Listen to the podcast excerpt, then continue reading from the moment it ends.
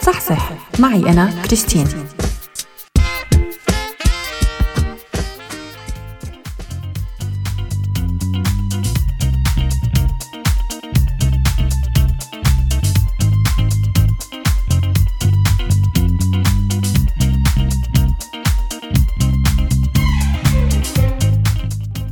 الحقيقة تغزلت رئيفة قبل شوي بالإشاعات والنميمة وأنا شوي معها. فمين ما بيحب النميمة؟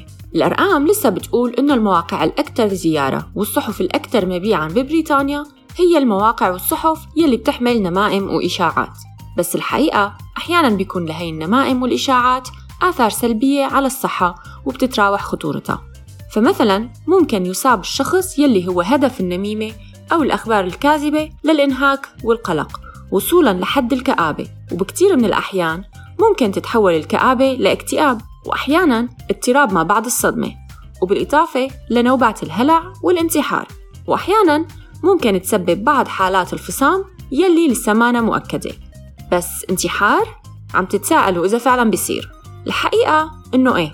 فوسائل التواصل الاجتماعي والانتحار شي عم يزيد كبير والأدلة كل ما عم تربط بين تزايد الانتحار ووسائل التواصل الاجتماعي وخاصة بسن المراهقة. فوسائل التواصل الاجتماعي والعزلة بتخلي هذا العالم الوهمي عالم حقيقي ويلي بيصير عليه من تنمر يلي منقله بالإنجليزي بوليين بوحدة من الحالات المعروفة عالمياً كانت وفاة فيبي برينس يلي كان سببها البلطجة الإلكترونية والتسلط عن طريق الإنترنت والأخبار الكاذبة أو الملفقة ويلي بينقلها فيك نيوز بالإضافة للأثر النفسي على الأفراد.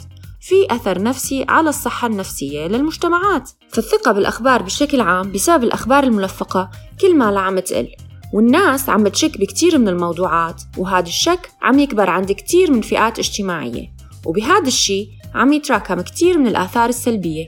عبر التاريخ فينا نطالع بعض النماذج عن الأثر يلي تركته هي الشائعات والنمائم أو الأخبار الملفقة على صحة الإنسان. مثل مثلا أنه اللقاحات مسببة لمرض التوحد. أو إنه العلاج الكيماوي بضر أكثر ما بينفع. أو مثلا الشيء اللي عملته الحكومة الأمريكية مع الحشيش الشيء اللي أدى لمنعه وتجريمه لسنوات طويلة.